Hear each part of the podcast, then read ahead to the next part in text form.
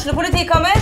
Ine Jansen er purk. Er du purk? The motherfucking bitch. Alt jeg vil, er å finne ut hva som skjedde med mannen min. Jon Carew. Er jeg sikta for noe? Iben Akeli. Det er du. Ole So, Lars Berrum og Big Daddy Karsten. Hvem sin side er du på, egentlig? Anette Hoff, Tone Danielsen, Kommer du fra Afrika? Jørnis Josef, Nesten. Kløfta. Trond Espen Seim, Det er synd å si det, men det var feil mann som døde. Purk. Premiere tirsdag på TV2 Play.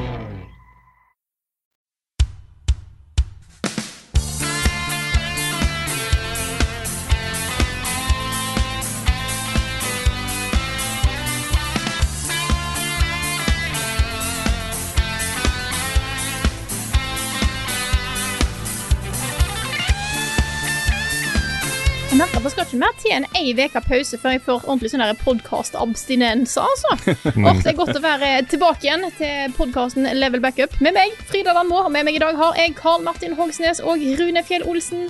Hallo, folkens. Hello. Hallo, folkens. Var en veldig sånn fin du får- episode dere hadde forrige uke, da, må jeg bare si. Ja, takk for det. Er det sånn at du får lyst til å bryte inn når du hører på? Og absolutt. Ja, hele tida? Mm. Ja, det er så mange kommentarer jeg kunne kommet med på en Mhm. podkast. Det er nesten så jeg burde lage liksom en sånn herre eh, Hva kalles det? Sånn React-video. Du kan Ja, lage en React-video, til sånn. Ja. Directors Cut commentary Ja. En, Ja. en to timer lang TikTok hvor du bare sitter og liksom med ansiktet ditt reagerer på alt som blir sagt og alt som blir gjort. Og, Mm. Så vi kunne kan ikke være streame to det, timer, kanskje. ja, Den kan ikke være to timer lang på TikTok. men da må Det du ha mange TikToks. Du kan ha livestream, da. Det kan du ha. Ja, mm. Men ellers går det bra med dere? ja. Det går kjempebra. Jeg har jo, altså, dette her er ting jeg føler jeg har liksom som jeg, Jeg kjenner ingen andre. Det er ingen, ingen i min krets som har det samme forholdet til Bert Kreischer og Tom Segura som jeg har. Altså den der Two Bears One Cave-podkasten som jeg hører på en, Ja, det eh, er hver deg, uke. ja! Mm. Ja, og nå kommer jo begge to til Oslo, vet du. Begge to kommer til Oslo med hvert sitt show. Så jeg har kjøpt billetter da, til Tom Segura, og det er, det er sånn eh, Jeg vet ikke hvem jeg skal invitere. Jeg har kjøpt to billetter. Jeg aner ikke hvem jeg skal invitere til å bli med meg på Tom Segura, fordi jeg kjenner ingen. Det er på en måte ikke mm, min crowd. Så jeg må prøve å finne ut av det. Um, jeg får ikke med meg Bert Kreischer, fordi det er på bursdagen til dattera mi, så det går jeg glipp av. For du kan ikke ta med dattera di på han. Jeg skal ikke ta med dattera mi på Bert Kreischer, det skal jeg Nei, love deg. så, men det, her, det er kjempegøy, altså. Det, I tillegg så kommer også Nate Bargetzi til, eh, til Oslo, så jeg kjøper billetter til meg og søstera mi til den. da. Det er, dette er liksom Nate Bargetzi og, og Tom Segura er to av mine favoritt-standup-komikere, og de er veldig forskjellige. Bargetzi er veldig sånn tørrvittig. uh, ufarlig, toucher ikke innom noen kontroversielle temaer i det hele tatt. Mens eh, Tom Segura kan hisse på seg alt fra hele delstater i USA til uh, alt mulig rart, da. Så, um, så det er to veldig forskjellige opplevelser. Men jeg pokker også, det er så kult at de kommer til Oslo, jeg gleder meg sånn. Og det at vi var og så uh, Acaster uh, sammen, var liksom et så stort høydepunkt på sånn live standup for meg, da. Det var så utrolig gøy å være der og, ha- og ha vært der. At nå har jeg liksom noe virkelig, virkelig gøy å se fram til, da. Så det er eh, veldig morsomt. Det var dritbra. Jeg er fortsatt spent på hva resten av showet skulle være. Ja, Ja. vi missa nok en stor del av showet, ja. Ja, Mm. liksom Både så døde dronninga, og så i, i tillegg så var det sånn 40 digresjoner. Mhm. Så det er sånn, Hva var resten av showet?! Jeg, jeg, jeg har ekstremt fomo. Hver gang jeg tenker på det showet, tenker jeg sånn Å, herregud, jeg har glipp av masse greier. Mm. Jeg uh, håper det kommer ut som en sånn Netflix-special eller et eller annet. ass. Ja. Mm. Nå er det noen som driver og blåser løv utafor her. Det kommer helt sikkert til å slå ut litt, men forhåpentligvis er mikrofonen god nok til at den ikke slår ut altfor mye, da. Åh, det er Blåser løv på en torsdag klokka elleve. Ja, tenk det. At ja. Tenk det. kan finne på noe sånt. Jeg, jeg skal prøve å lukke døra litt, her, selv om jeg da kommer til å koke bort, så vet, vet du hva de har begynt med hos meg? Nei. Den, eh, de siste par ukene så har de begynt sånn litt sånn på tilsynelatende helt tilfeldige dager. Så har de begynt å liksom banke hardt i uh, altså, hva, hva heter de røra som er i taket? Ventilasjon. røret i taket. Nei, ikke ventilasjon, men de, de som fanger opp regn. Jeg får helt uh, Takrenner. takrenne. Takrennene! Takrennene var ordet jeg ikke fant opp. Uh, de har begynt å banke sånn hardt i de, klokka sju om morgenen. Ja. Klokka sju om morgenen. Og det er liksom, utafor vinduet mitt så er det et sånt lite tak, hvor det selvfølgelig er takrenner. ja. Og de står, står de og banker hardt utafor vinduet mitt. Jeg tror det er fordi de er uh, tette av løv, Carl. Mm. Det kan hende. Prøver å få ut løvet sånn at ikke det er renner det over og blir bandekarser og sånt. Ja, det er noen som har drevet blåst det. Ikke sant? Um, men samtidig, da, eh, som jeg er veldig glad, så er jeg litt trist også. Mm. Fordi vi fikk jo en, eh, en eh, litt trist nyhet uh, nettopp eh, om at spelledåsene nå gir seg med podkasten sin. De eh, eh, skal holde på ut året, og så legger de ned uh, da podkasten Spelledåsene. Og jeg, jeg må jo si at helt fra de kom på banen, liksom, som et nytt uh, tilskudd i norske, uh, hva skal si, norske spillcommunities og podkaster og sånne ting, så har de tilført masse. Altså Dette er en, en annen type stemme enn, det, enn vår, da. Enn de som allerede er etablert og, sånne ting. Tre kule damer fra Fredrikstad-området som snakker om spill på sin måte. Så har vi jo vært gjester på uh, greiene deres alle sammen. Jeg vet ikke om du har vært på podkasten, Karl? Har du det? Jeg har uh, holdt på å si, jeg har en avtale om at jeg skal dit. Ikke sant, og da har vi vært der alle tre. Mm. Uh, og vi har hatt liveshows med de og hatt mye med de å gjøre, så, så det at de legger ned podkasten syns jeg er litt trist, altså. Det er, De tilførte såpass, tilfører såpass mye til eh, spilldekning i Norge at, at de kommer til å bli savna. Nå sier du at de fortsatt skal holde på, da. De skal ha liksom Twitch-kanalen sin og liveshows og eh, gjøre ting. Så de blir jo ikke borte. Men, eh, men eh, den ukentlige podkasten uh, forsvinner jo litt. Og det er sånn, det, det er synd, men det er et bra run, da. De har hatt, hatt et veldig bra run, og det er kult å se at de har prega norske spillmiljøer på den måten de har gjort. Så Absolutt. jeg er veldig takknemlig for det også. En veldig fin den posten de har eh, lagt ut på Facebook-sida si, så jeg anbefaler å lese den. Eh, Det handler jo om at de ikke har føler de har tid til podkasten, og da eh, skjønner jeg det å lage podkast tar, tar tid. Jeg så noe statistikk på, uh, på podkaster om hvor mange som fortsetter Mm. uh, med podkast. Det er en så utrolig liten andel av, av podkaster som blir starta opp, fortsetter faktisk, over et år. da. Uh, de aller aller fleste, det er snakk om over 90% etter det jeg så, legges ned uh, i løpet av det første året, liksom. Mm. Um, så, så bare det at de har holdt på såpass lenge som de har gjort, det er jo, er jo også Det er jo bra, da. Ja, for de har holdt på i flere år nå. Ganske mange år nå. Mm. Ja da. Nei, det er det, det å lage ukentlig podkast er Da må du sette av tid til det og ha motivasjon til det og overskudd og uh, alt det der, liksom. Så, så det er forståelig, da. Når de har fulle jobber ved siden av og gjør andre ting ved siden av, så er det ikke lett også å opprettholde en ukentlig podkast. Men uh, veldig bra run, og jeg er glad for at, uh, at dere eksisterer, spilledåsene, og at dere fortsatt kommer til å uh, gjøre ting da, etter, etter nyttår. For det, det trenger Spill-Norge.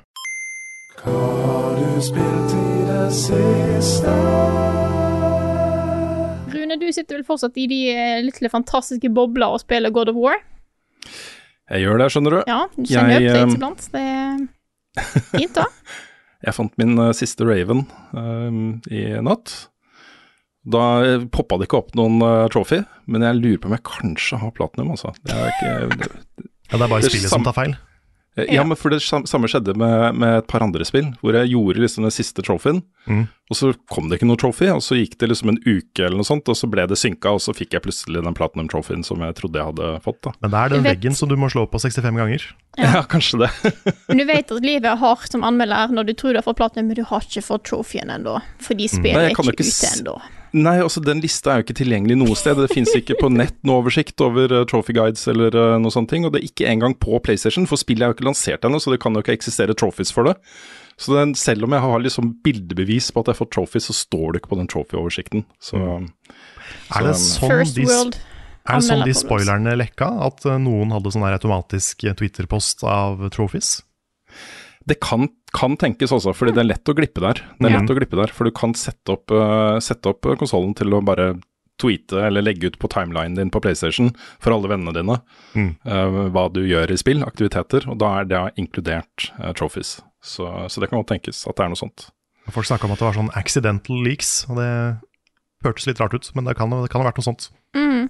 Absolutt. Og det er eh, de, de der eh, listene over hva du gjør på PlayStation har blitt ganske avanserte. Så du kan sette opp liksom uh, uh, Du kan mikromanage hva som er tilgjengelig for andre. Det er alt fra liksom uh, skjermbilder du har tatt, videoer du har gjort opptak av, uh, trophies du har fått, osv. Så, videre, da. så det blir jo en ganske beefy oversikt over innholdet i et spill, hvis du sitter der og bare pøser ut trophies, liksom. Mm. Men det var da ikke Rune Fjell Olsen som gjorde det? Nei, jeg håper ikke det. Jeg håper ikke det. Jeg har uh, vært ganske nøye på det. Det er vanskelig å se hva jeg gjør på PlayStation, fordi jeg har, har hatt en del sånne NDA-er tidligere, da. Jeg er alltid paranoid, bare skrur av internett og alt. Det er liksom ikke snakk om ja, ja. at den konsollen skal være online. Det er kjempetøft. Mm. Men jeg har lyst til å si en, en, en uh, litt sånn follow-up til forrige uke. fordi Forrige uke hadde Nick og jeg en ganske lang diskusjon om, uh, om starten på God of War, som det jo var en egen sperrefrist for. Du kunne snakke om spillet opp til et visst punkt, um, men uh, ikke, ikke, noe etterpå. Og nå har jeg da Jeg har starta på nytt, spillet på nytt, og spilt den samme sekvensen liksom en gang til. Og jeg må bare innrømme at, eh, at, eh, Nick hadde nok litt mer rett uh, på hvordan den starten er enn jeg hadde forrige uke. Jeg tror jeg hadde litt sånn overtenning og var litt sånn ekstra oppmerksom på, på ting. Men når jeg, når jeg, spilte det på nytt, så var jeg sånn holy shit, hvorfor, had, hvorfor hadde jeg ikke Nick sin opplevelse av dette her? For det er, ja, det er ganske fete ting som skjer, da. så um, jeg bare moderere liksom den Det var jo ikke negativt, liksom, men uh, hva skal man si, litt, eh, litt mer avventende holdningen jeg hadde til spillet mm. forrige uke. da. Er det sånn, er det sånn følelse man kan få hvis man gleder seg for mye til noe? Ja. ja. Det er liksom, for jeg kan, altså Den der følelsen av å sitte der, liksom, du har gleda deg til en oppfølger til God of War eh, 2018 siden det ble kjent, at, altså siden det kom ut. Mm. Eh, dritspent på hvordan historien fortsetter. et av verdens beste spillstudioer skal følge opp et av tidenes beste spill. Ha, jeg hadde skikkelig overtenning da jeg satte meg ned med det spillet. Og satte meg ikke ned og bare testa det litt, jeg bare dykka ned i det med hud og hår, ikke sant. Mm. og har ja runda 70-ish timer i spillet totalt nå. Så, så, så det, er, det, er, ikke noe tvil Og det er en uke, liksom. I løpet av en uke. Det er to arbeidsuker, det. Mm. Så, så jeg, starten er i hvert fall bedre enn jeg husker den. Så vil jeg bare nevne det. Men jeg kan ikke snakke mer om det spillet før uh, den andre sperrefristen, som da er 3. november. Torsdag 3. november. Neste uke? Uh, neste uke. Neste klokka 18.00. Da kommer mm. The Info Blowout. Det gjør det. Så, så, da kommer da også min anmeldelse på NRK og Niks sin anmeldelse på, på Leveløp-kanalen. Så um, det blir, uh, det blir, gøy. Det blir, uh, ja Spillet lanseres jo først 9.11, så det blir tøft for mange, tror jeg, å glede seg og vente på lansering. Planlegger også en livestream eh, fra det er mulig å gjøre det, av starten. Så uh, folk kan sette huka det i kalenderen også. Mm. Og det er da fra 9.11. en gang. Men right, jeg har spilt en del uh, nye ting også, eller to, særlig to da, nye ting som, uh, som uh, er verdt å nevne. Og Det ene er jo campaignen i Call of Duty Modern Warfare 2. Og her må jeg innrømme at det er litt sånn fisk på landen. Um, jeg spilte jo Call of Duty-spillene ganske sånn religiøst hver, hvert, hver, eneste utgivelse, hvert eneste år i mange, mange år. og gikk til slutt litt lei av liksom formatet. Og akkurat den liksom trettheten over den derre overmacho nå skal vi ut og renske verden for slemme terrorister, folkens! Merka. Altså, ho yeah! Eller hoja, er det vi sier. Så, ja, hurra, er det ikke det? Hurra! Spørsmål, er dette, er dette Modern Warfare 2? Eller er det Hvordan er det? det, er Modern ja. Warfare 1-2. Ja, ja, det er sånn det er. Det blir, litt, det blir litt sant, for det har allerede kommet både Call of Duty Modern Warfare 1 og 2 har kommet ut før. Nå er da uh, denne Modern Warfare 2 er jo en, en sånn La oss late som det gamle ikke eksisterer. Uh, og fortsetter da på en måte litt historien fra den nye Modern Warfare 1. Um, og det er, jeg, jeg, forstår litt tankegangen her, fordi Modern Warfare 2 var jo ikke en direkte oppfølger. Det var mer sånn OK, det var fett med Modern Warfare 1, folkens. Nå skal vi gi deg den samme opplevelsen en gang til, med nye rollefigurer og en ny historie og sånne ting. Så det var mer en frittstående ting, da. Men dette er mer Her er det rollefigurer du kjenner igjen fra Modern Warfare 1, og det er masse greier, liksom. Um, så jeg, jeg, er fortsatt litt sånn Dette er ikke helt for meg lenger, Nei. egentlig. Også den type sånn macho eh, skytespillopplevelse er liksom um, ja, det, det, det, sitter ikke helt godt hos meg, da. Eh, den greia der, liksom. Det blir litt for uh, litt for sånn derre uh, America fuck yeah, som du sier, Carl. Mm. Men når det er sagt, da, eh, med denne Fy fader, det ser pent ut, altså. altså. Den teknologien og grafikken og det visuelle i det spillet her er helt av en annen verden, altså. Og så er det litt sånn derre James Bond-aktige oppbygginga. Du er liksom bare ett sted i et kvarter 20 minutter, og så er det plutselig et helt annet sted. Og så skjer det noe annet på den andre siden av verden som påvirker det du gjør der, og så flyttes du dit.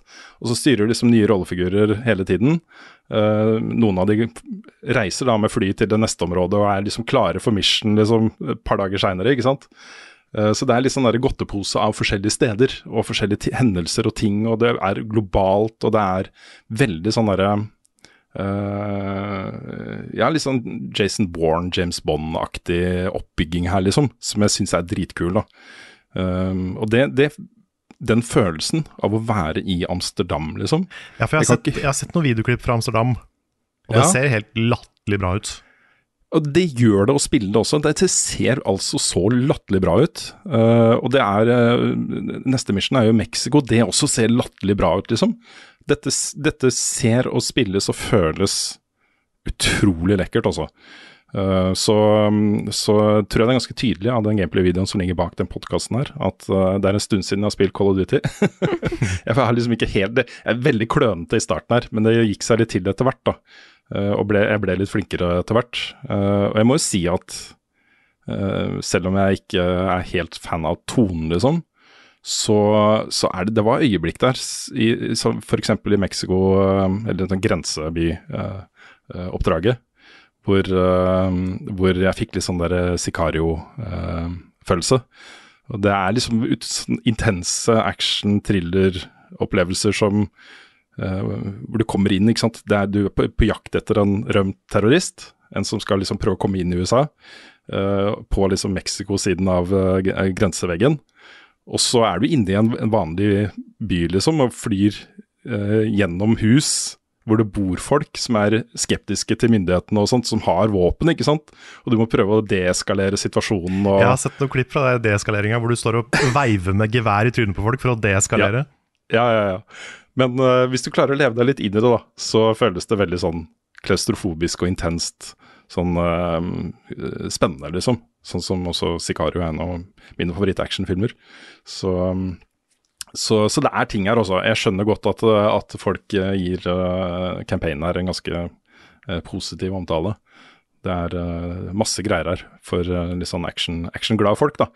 Jeg, jeg, har lyst til å nevne at, at um, siden jeg har vært borte fra Call of Duty såpass lenge, så var det en del ting her som, om ikke overraska meg, så i hvert fall tok meg litt på senga, da. Fordi hvis du skal kjøpe Call of Duty Modern Warfare 2, så er det liksom ikke bare et spill. Det er øh, delt opp i Campaign Pack 1, Campaign Pack 2, Multiplayer Pack, Coop Pack øh, og Warzone 2, som da kommer 16. Øh, november. Uh, så det er liksom en helt Det er, det er sånn svært sånn fornøyelsespark av forskjellige typer actionopplevelser. Utviklet av ikke bare da Infinity Ward, som er hovedutviklere her, men de har fått da uh, også, Infinity Ward har jo også kontorer i Los Angeles, Mexico, Polen og Texas. Uh, men det er også de, alle de andre Call of Duty-studiene har også vært involvert med hver sin greie. da. Eh, i den pakka her. Du har Raven Software, Demonware, Toys for Bob, Sledgehammer, High Moon, Activision, Shanghai og Treyarch. Alle disse studiene. Og så Det kommer sånn svær remse med logoer ikke sant, når du starter opp spillet. Uh, og ikke bare det, den er liksom to priser, da 850 kroner for grunnspillet, og så er det 1100-1200 kroner for liksom en sånn deluxe-pakke av spillet. Så dette er en sånn herre det, det, føles som en sånn theme park, en Call of Duty theme park du trer inn i og får masse forskjellige typer opplevelser inn i og, og sånne ting. Og helt åpenbart konstruert for en, en, ganske stor og ganske dedikert fanbase som denne serien har. Mm. Uh, så, så det, det, gjør også at jeg føler meg litt sånn derre det er ikke helt min verden lenger. Jeg føler meg ikke helt hjemme her. Nei, hvorfor er det to campaign packs? Det er sikkert bare fordi det er så beefy. Uh, mye assets og sånne ting. Ok, Så det føles, det føles naturlig? Det er ikke bare en sånn flashback til det der eh, pre-order-helvete som var for noen år siden?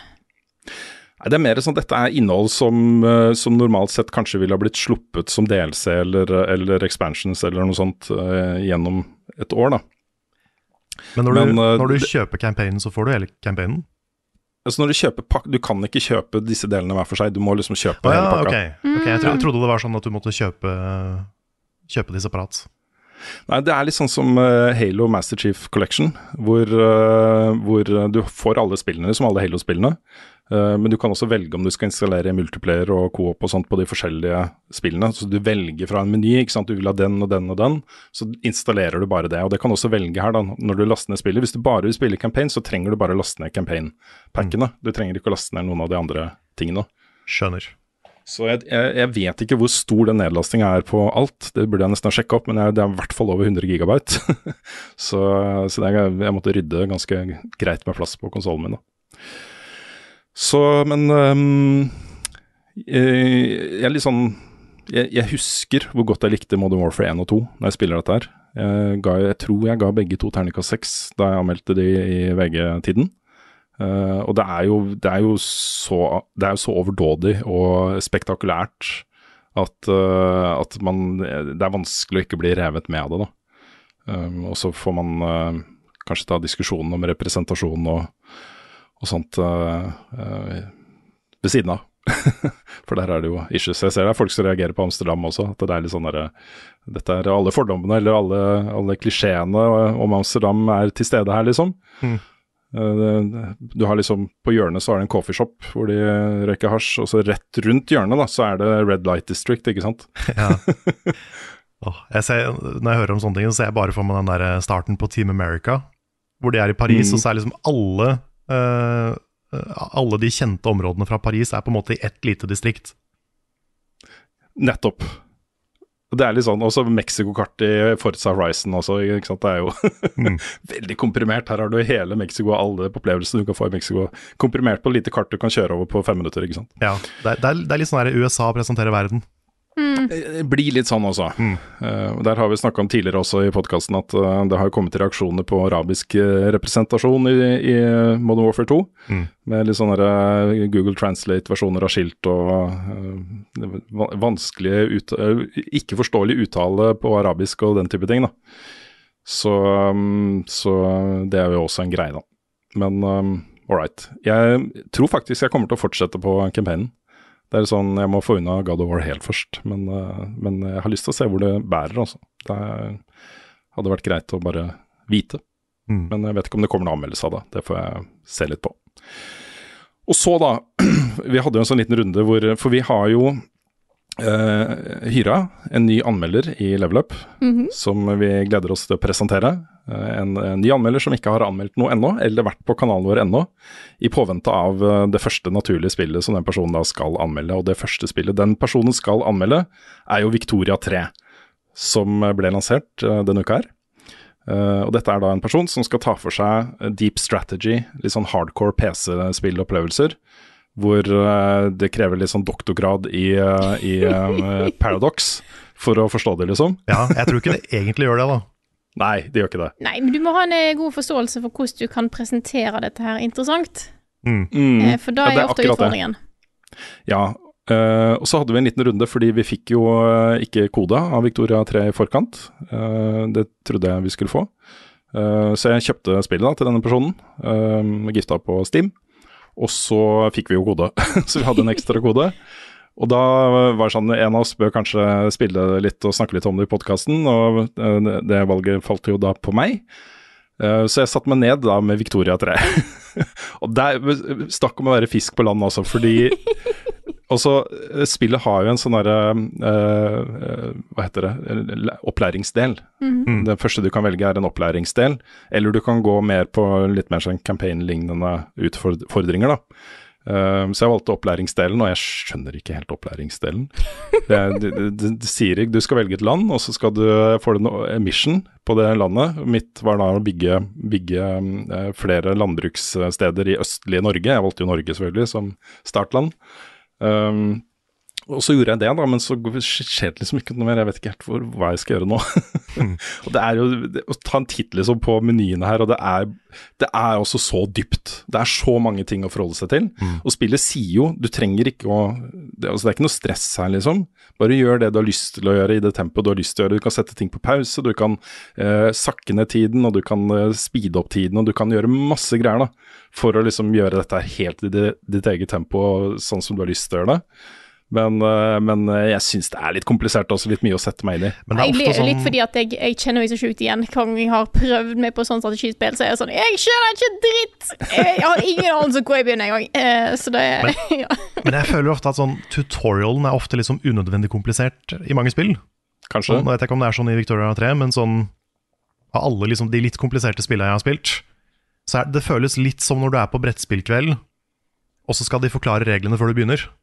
Og da får du kanskje med deg 10% Ja. og så begynner man å spille, og da skjønner man det. Ja da, jeg, jeg, jeg, jeg ser den også. Og det er jo, spillet er, det må jeg jo bare få sagt, det er dypt fascinerende. Det er dypt fascinerende, og det foregår jo da um, i, i hele verden.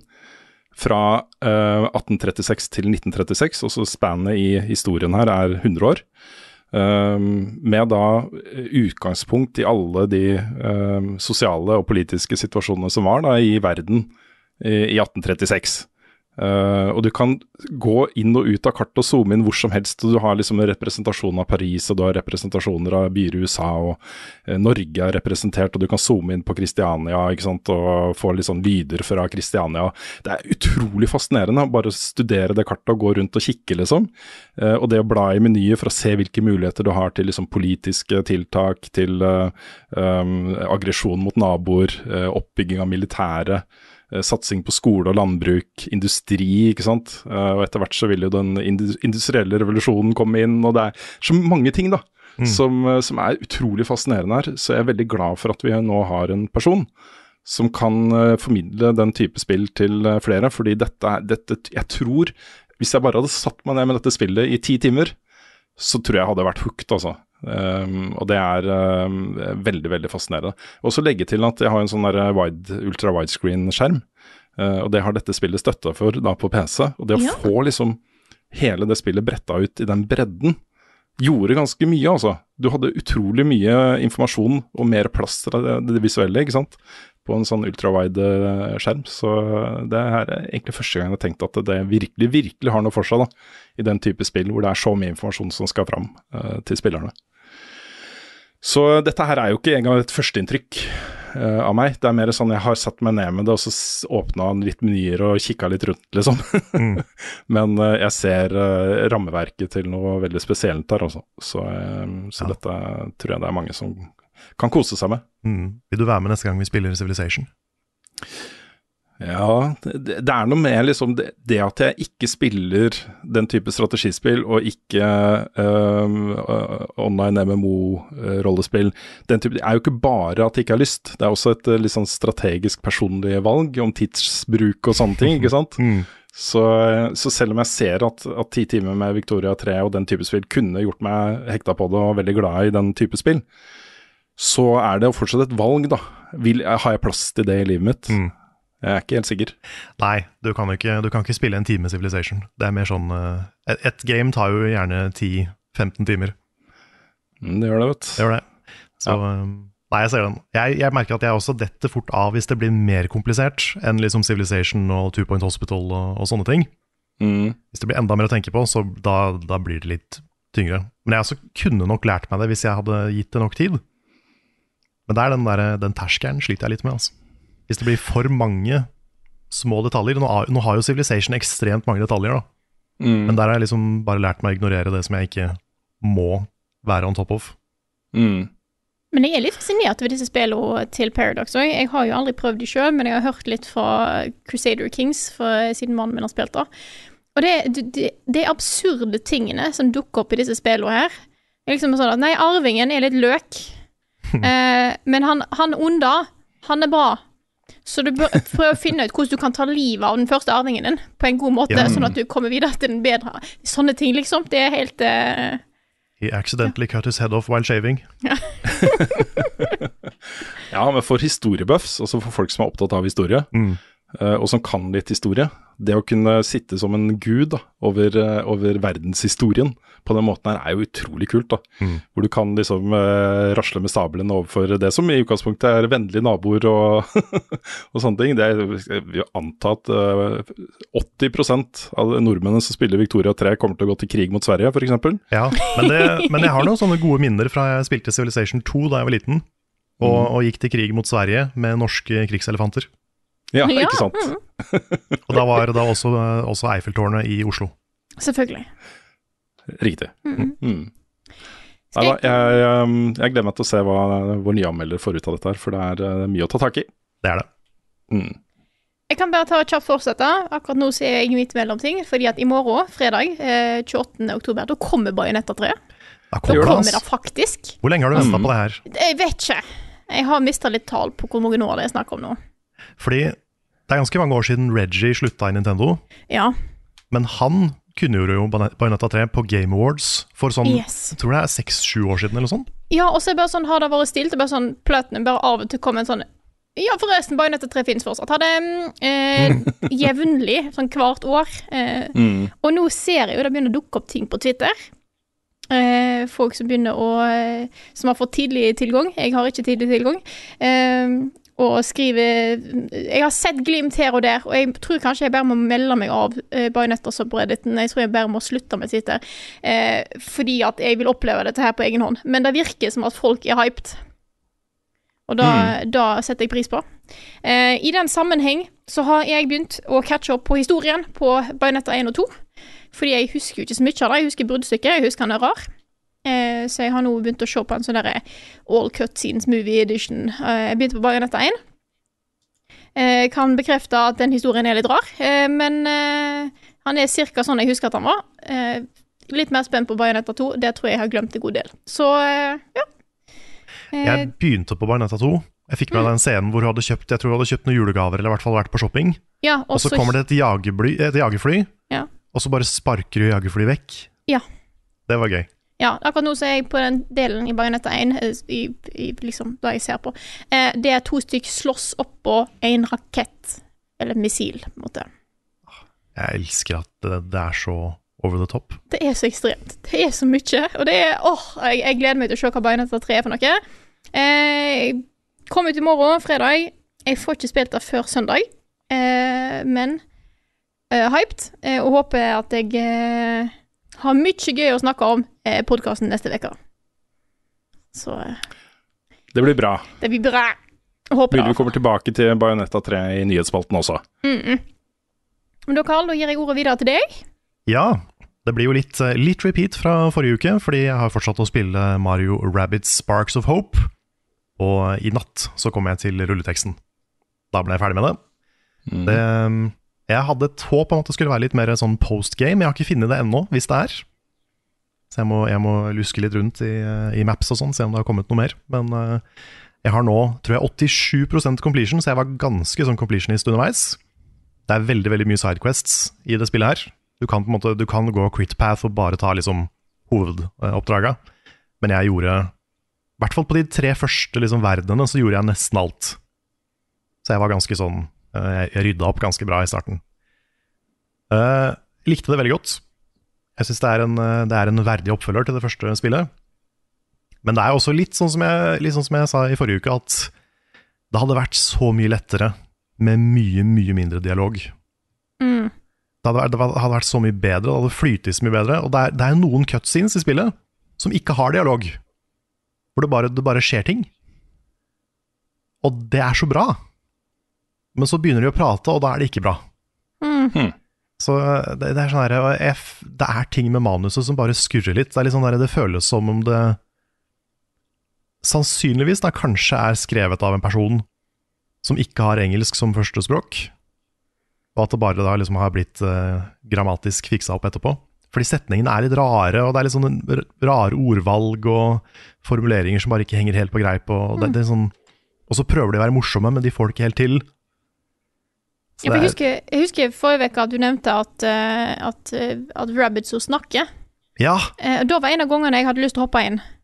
Ja, fordi, Fordi de, de snakker i komplette setninger. Nei, for da skal de ikke De skal ikke engang ha ord. De skal si Og så skal de si på et eller annet tidspunkt, og da er da. Det er på en måte Ja. That's it. De, kan ikke ha ord. De kan ikke ha språk engang, føler jeg. Nei, for de forklarer de spiller spillet med at de har liksom bygd en translator. Men de burde fortsatt ikke kunne snakke i hele setninger, for de er jo gærne og dumme. Det er det som er gøy med dem. De er jo fullstendig tomme. Hvis du ser på blikket deres, så er det liksom Det er ingenting inni. Det er liksom hult. mm, Mm. det, det er det. Så, um, så det eneste som er litt gøy, det er, det er Rabbit Peach, som har noen sånne quotes av og til um, i, i fights og sånn. Så hvis hun blir teffet av liksom en fiende, så kan det komme en sånn derre insecure match. Og det er gøy. er- Det, det er, da er da, det ler jeg litt. Mm. Så hun har noe sånn der Og når hun, når, hun, når hun tar ut en fiende, så er det sånn It's been real. Så, så det er veldig sånn, hun er veldig influenser, og det er gøy. Ja. Um, men Er det ellers så voice, er det Eller er det bare tekst? ja, de, Akkurat de er voisa. Okay. De, de korte liksom klippa i, i fights. Og så er Beepo, den der, der roombaen som flyr rundt, uh, som er på en måte liksom maskotten for de spillene her, den har fått en stemme, og den stemmen er veldig irriterende. Det er liksom for mye. Det prøver å være en litt sånn derre Litt sånn pompøs gal vitenskapsmann-type. Men så blir det bare Stemmen er liksom altfor sånn det, det er for mye. De prøver for hardt, på en måte. Mm. Og det er så mange av de linesa som bare er totalt flate, så det, det distraherer en del. Altså. Så, øh, og så er spillet kanskje litt for lett, fordi det forrige var sånn overraskende vanskelig. Jeg husker at jeg spilte det og var ganske sånn offensiv i fights, og så etter hvert så måtte jeg bare lære meg å spille på en annen måte, for det var så vanskelig. Og det syns jeg var litt kult. At, du- at du liksom At det var litt, litt tactics i et tactics-spill. Det syns jeg var litt, eh, litt stilig. Men det virker som de har skrudd ned vanskelighetsgraden en del. Du kan, også, du kan velge å spille på hard, men du får på en måte ikke noe um, Du får ikke noe igjen for det, annet enn holdt på å si litt stolthet av å, av å gjøre det. Så eh, det, det er litt blanda, men, men combaten er fortsatt liksom top notch. Det er et kjempe, kjempebra tactics-spill. Og det er eh, den derre synergien, som det heter så fint, som du får med karakterer og riktig kombinasjon av riktige ting, den er, eh, den er kjempegøy. Du har f.eks. En, en sånn ability som du kan putte ut på hvilken karakter du vil.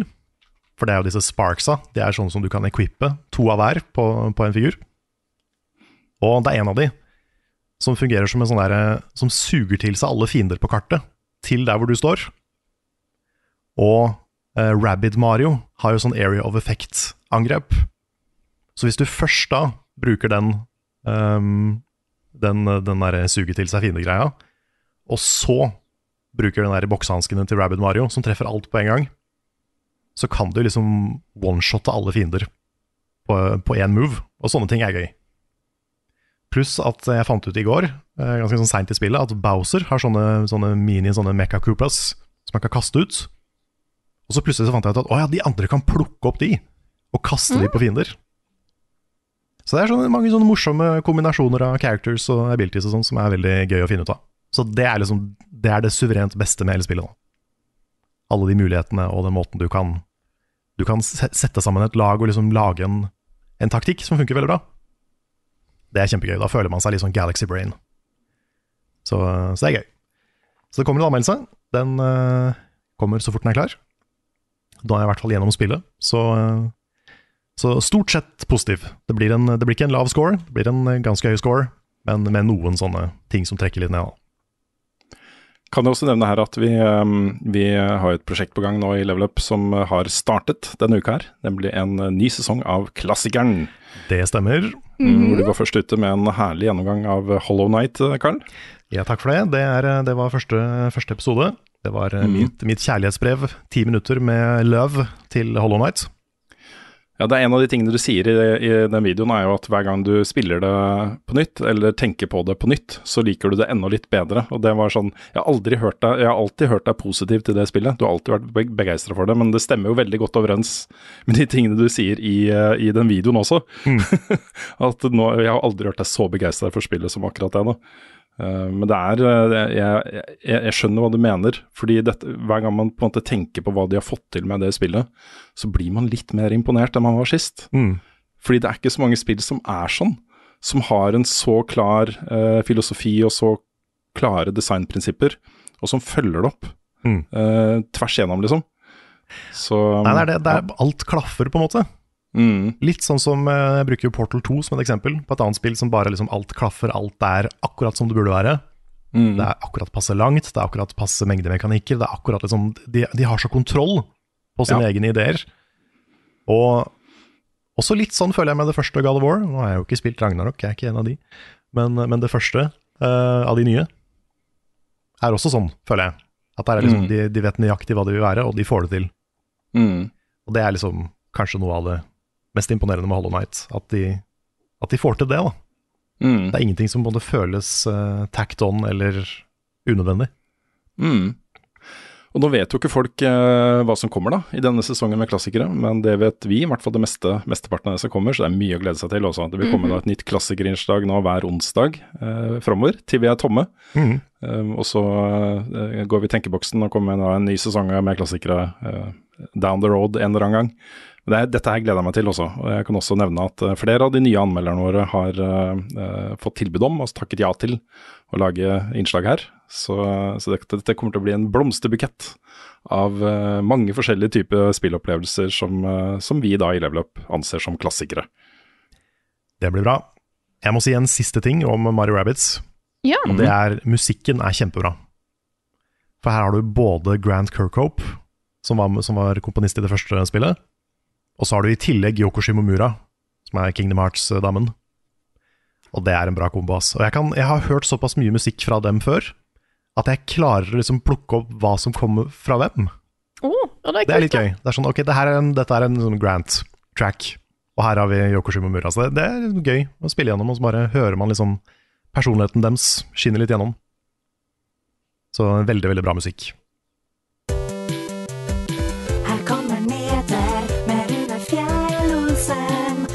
Han er ikke hår. Det er gode tider for alle som er glad i svære open world eh, rollespill, eh, og bedre tider skal det bli. Nå har eh, CD Project Red annonsert at det kommer en remake av det første The Witcher. um, eh, i Unreal Engine 5. Det ble bygd fra bunnen av i Unreal Engine 5 av et selskap som heter Fools Theory, som er et uh, polsk selskap som var støtteutviklere på uh, Divinity Original Sin 2, og som også eh, er involvert i utviklingen av Baldur's Gate 3. Eh, dette er Witcher-fans, uh, sier de selv da, på Twitter og sånne ting, som uh, har kastet, kastet seg over den oppgaven med hud og hår. Så um, tenker jeg da at dette her inngår i en litt sånn større sånn franchise-tankegang i CD, CD Project Red. Mm. Eh, kanskje det kommer en full remake av The Witcher 2 også eh, etter hvert. Ja, jeg syns det her er riktig valg av spill for en remake. Mm. Fordi vi hører så mye om Witcher 2 og 3, men Witcher 1 er det veldig få som snakker om. Mm. Ja. Dette er, Ja, det- jo, det- dette er jo det som er tidligere i, eh, i høst hadde kodenavnet eh, Canis Majoris. Mm. Eh, det som da ble omtalt som nytt fullskala Witcher-spill uavhengig av Polaris. Ja. Mm. Polaris som da er det første spillet i en ny trilogi. Så vi får hele Jeg måtte bare finne Stemmer. notatene mine her på, hele, på den nyhetssaken når den kom tidligere i, i høst. Ja, fordi de har jo eh, åpenbart eh, også det, Dette er jo også mye uh, basert på uh, de tilbakeslagene det selskapet fikk etter uh, lanseringen av, av Cyberpunk 2077. eh, med fall i aksjekurs og, og sånn Det ble stilt spørsmålstegn ved fremtiden til hele selskapet, fordi de hadde lansert et såpass uferdig spill på PS4 og Xbox One. Um, og så kommer det da liksom den ene Nei, vi jobber med det og det og det og det, og det er helt nytt Witcher, og det er Witcher 4 kommer, og vi skal liksom pusse opp Witcher, og det er Witcher, Witcher, Witcher, og dette er liksom Det skaper gode følelser da hos folk, og kanskje litt mer tillit i aksjemarkedet og sånne ting, ikke sant. Uh, så det er åpenbart at de, de jobber med å forvalte The Witcher-universet sitt. Uh, de har også sagt at det skal komme et nytt uh, Cyberpunk-spill. Så, så det, er- mange, mange jern i ilden, for å si det sånn. Og det er ganske naturlig da at de legger noen av de jernene ut til andre utviklere og um, har mer sånn over um, hva heter det, overseer-rolle. At de er mer sånn konsulenter og uh, litt sånn overbyggende. Ja, Det er vi som eier Witcher også, dere er klar over det, så ikke, dere kan ikke gjøre sånn. Dere må gjøre sånn isteden. så, um, men uh, dette er jo også Ikke glem da, folkens, at eh, The Witcher 3 regnes jo av mange som et av de aller, aller beste eh, open world-rollespillene som er blitt lagd noen gang. Um, og eh, flere sier jo det samme om Cyberpunk 2077, selv om der er meningene mer delte. Så, så det at de jobber med flere spill er jo i all hovedsak da ganske gode nyheter, tenker jeg da. Og apropos, så er eh, også eh, et annet selskap som har vært ute i hardt vær, er jo BioWare. EA-selskapet. Som eh, Der har det skjedd ting og tang, for å si det sånn. Mm. Eh, De jobber nå også hardt for å gjenopprette ryktet sitt, og en av de tingene som de eh, bruker der, er jo nytt Dragon Age, Dragon Age Dreadwolf. Som, som også skaper sånne varme følelser av nostalgi og glede når man bare sier ordet Dragon Age. Mm. Og nå har de kommet ut med nyheten om at det er det de kaller alfa ferdig. Det betyr at du kan nå spille gjennom spillet fra start til slutt, med alle missions og rollefigurer og dialog eh, og, og eh, verdener og miljøer og sånne ting, fra start til slutt. Eh, langt fra ferdig. De har ikke begynt å jobbe med finpussen, liksom. Som jo egentlig normalt sett da, er det første man gjør. Man jobber med finpussen først, ikke sant? Ja, det er akkurat så- sånn det funker. Det er riktig. Så du lager, du lager grafikken først, og får det til å se pent ut til traileren, Yes. Og så bygger du spillet etterpå. Ja, ref uh, Grand Theft Auto 6-lekkasjen. Yes. Um, ja, men de sier jo her da at det er masse de, Nå skal det sette seg ned og jobbe med liksom um, verdenbygging og, og grafikk og det visuelle og lyd og alle disse tingene som må til på plass, da. Før det er helt ferdig. Men, uh, men dette er jo gode nyheter for Dragon Age-fansen. De gjentar også at, uh, at et helt nytt mainline, Mass Effect, også er på vei, da. Det sitter et team og jobber på det. Jeg må innrømme at det er det jeg er mest spent på fra BioWare. For dette er jo en fortsettelse, tilsynelatende, av Mass Effect 1-2-3-historien. Så det blir, det blir spennende. Ja, det, blir veldig spennende. Det neste nye fra BioWare blir kjempespennende også, fordi det er masse folk som har slutta der, og det har vært mye kritikk, og det har vært mye omrokeringer internt, og det har vært uh, lansering av et par ting som ikke var helt tipp topp, uh, og sånne ting. Uh, og eh, den store, store tingen er jo eh, den, den derre følelsen av at det som ble kalt av BioWare-magien, Mm. uh, slukna. Med, kanskje spesielt med utgivelsen av Anthem. Mm. Så um, Men det var også en veldig sånn rar ting, fordi de snakka om den der BioWare-magien som bare skulle magisk eh, fikse Anthem og diverse spill. mm. Som bare Det de kalte magi, var egentlig bare ekstrem crunch. Nettopp. -hmm. Så eh, det er jo ikke en, det er ikke en god måte å løse et problem på. Dreadwolf er fortsatt langt unna. Jeg tipper vi snakker 2024. Um, tidligst uh, slutten av neste år, da, men uh, mest sannsynlig 2024. Og hvis man har det perspektivet, så, så er det jo mye å glede seg til her, da, for de som er glad i den type spill. Store åpen verden-rollespill. Um, du har jo også Starfield fra uh, Bethesda, som kommer neste år. Du har Boulders Gate 3, som eh, er jo fortsatt i Early Access og blir testa av eh, mange og sånne ting. Eh, du har uh, Elder Scroll 6, også fra Bethesda, som jo også er veldig langt unna. De skal jo ikke begynne ordentlig på det spillet før eh, Starfield er ute. Um, og da er nytt Mass Effect, nytt Witcher, eh, nytt Cyberpunk osv. Er det noen jeg har glemt her? Noen store rollespill jeg har glemt her, folkens? Jeg er litt utafor Open World, men Final Fantasy 16 kommer jo til neste år. Ja. Elden Ring 2 blir sikkert annonsa neste år en gang. Ja, kommer ut i morgen. Kommer ut i morgen. ja, det er bare å forberede seg på en ny runde med Kommer det til å bli vist her? Kommer det til å bli vist her? Ja, Kommer det til å bli vist her? Mange, mange år. Mm. Og så nevnte jeg jo tidligere i podkasten at vi kommer tilbake til Bajonetta 3, og det, det er jo eh, rett og rimelig at vi gjør, fordi eh, der har det vært mye eh, snakk utenfor liksom selve eh, innholdet i spillet de siste par ukene, etter at eh, den originale stemmeskuespilleren til Bajonetta, Helena Taylor, Taylor, gikk ut på Twitter og eh, la fram eh, hvorfor hun ikke eh, har stemme til Bajonetta i Bajonetta 3. Og de første påstandene var jo nok da, til at vi eh, kanskje hoppa litt for tidlig på eh, sympatibølgen eh, for henne. Fordi hun påstår jo da i disse videoene at hun bare ble tilbudt 4000 dollar for å voice Bajonetta eh, i Bajonetta 3, eh, og takka nei.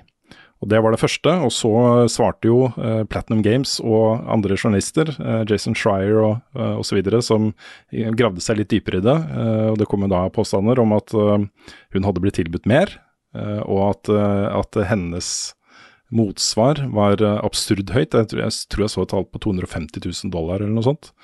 Um, som hun benekter, da.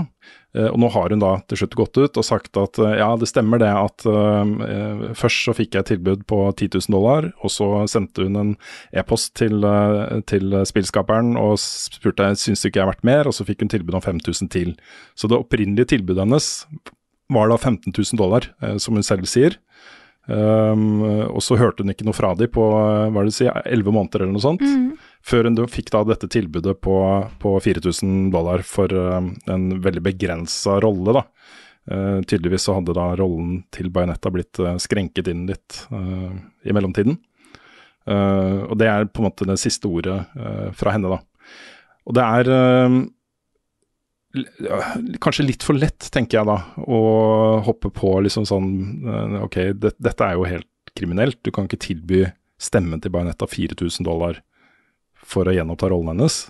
Det er, høres jo helt vilt ut. Det, sånn kan det jo ikke være, ikke sant? Men det, altså, det er jo eh, Det er jo flere, flere, mange lag her. Det ene er jo at eh, det var jo lett å tro på i starten, fordi, eller på de tingene hun eh, kom ut med, fordi at det er jo store problem med underbetalte voice actors i spill. Og jeg er litt redd for at hele den debatten her med fram og tilbake igjen i, i, i She said, they said-type ting, Mm. at den større større diskusjonen rundt eh, generelle forhold til voice actors har forsvunnet. Mm. Eh, det som starta som kanskje et opprør, eh, falt helt ned og har blitt ganske Ja, det ble jo toxic i alle retninger. Eh, Mm, og Det også er jo en, et element som, alt, det, det som alltid skjer, og det er veldig synd at det blir, det blir toxic og det blir personangrep i alle sånne saker absolutt hele tida, fordi internett Mm. er internett. Og eh, det er trist og kjipt. Mm. Um, jeg tenker også litt sånn herre Ja, vi, vi, vi tok feil om at alt det Helena Taylor sa i starten, var 100 riktig. Um, hvis det hadde skjedd igjen, så tenker jeg sånn Jeg hadde sannsynligvis gjort det samme igjen. Fordi Ja. når, du, når du ser på, på en måte hva som skjedde, da, at det var en stemmeskuespiller som brøyt sin egen NDA, mm, uh, fortalte om dårlig behandling, som spillbransjen er kjent for. Du har i utgangspunktet ingenting å vinne, men alt å tape på å gjøre det hun gjorde. Og så ser du måten Kamia svarer på, som er å blokkere alle Twitter, og så bli utestengt. Mm. Det ser jo veldig riktig ut på Ja. det, på det Ja. tidspunktet. Så jeg tenker sånn Hvis man skal begynne å tvile på Helena Taylor, eller en person som Helena Taylor i en sånn situasjon, så må man på en måte gå ut ifra at alt er løgn hele tida. Mm. Vi var tydelige på, men det var jo helt klart fordi at dette ble en veldig stor sak. Jeg har eh, Det er veldig lett å se tilbake på det, og- men, men i dag det skjedde, eh, så var det ingenting som sa at det ikke var sant eh, der og da. Og jeg har ikke dårlig samvittighet for at jeg delte det da det kom, og jeg har heller ikke dårlig samvittighet for at jeg delte motartikkelen så straks den kom. Nei, for det, Mm. det er noe med det, så lenge man på en måte oppdaterer Mm. det, det, man, det man formidler når man får mer informasjon. Det er jo det, det viktigste. Og jeg har, ikke, jeg har ikke lyst til å være der at jeg går ut ifra at alt som blir sagt om spillbransjen er løgn.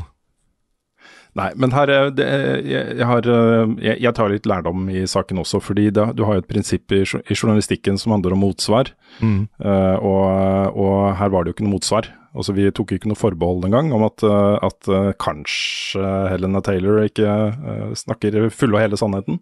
Kanskje det finnes en annen side av denne saken.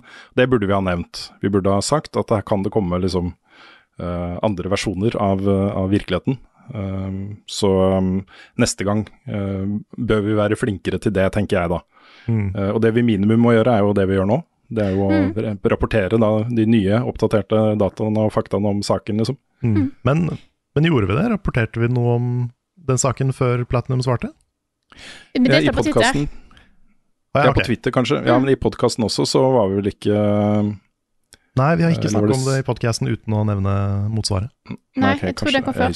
Det jeg også kan nevne, er at hun har jo òg Nå, dette er jo òg usvarte påstander, eh, kan jeg nå si, fra eh, Men hun har jo sagt da at eh, hun fikk 3000 dollar for første spillet, og litt mer for det andre.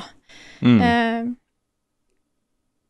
Så det er jo eh, vist Altså, hun har gått fra 3 til litt mer enn 3, og så opp til 15, så betyr jo det at det er en positiv trend i spillbransjen, men vi får nå vi får nå se. Jeg håper ikke at, eh, sånn som du sier, Karl, at, eh, at dette hindrer fremtidige voice actors som blir behandla urettferdig, ikke tør å gå fram.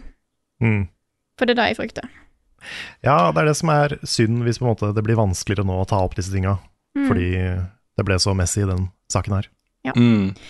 Da jeg, eh, vi har, Det, er, det er jo mange andre uh, stemmeskuespillere som har uttalt seg i denne saken her, da. Og jeg, jeg føler jo at eh, hvis, du, hvis du sitter og bestemmer uh, hvor store budsjettene skal være til stemmeskuespillere, så har du fått litt, uh, litt mat til ettertanke eh, i denne debatten her uansett.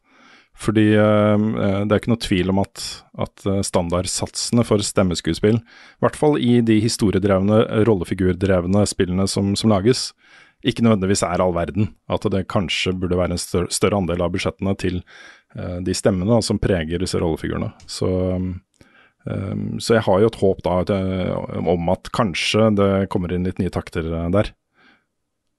At ikke det bare er liksom Troy Baker og, og disse her Ja. som får de store pengene. jeg, eh, vi har jo fått mye spørsmål om dette, her, og jeg tror vi har svart på det meste nå. Eh, men eh, det er jo eh, et her fra Kristoffer Getto Boys Hansen som spør om vi tenker å ta stilling til dette her i anmeldelsen i det hele tatt. Og der saken er nå, så har jeg ikke tenkt til det. Nei. Eh, nå er jeg på en måte Nå har føler jeg at info, nok info har kommet ut at ikke, dette ikke trengs å tas med.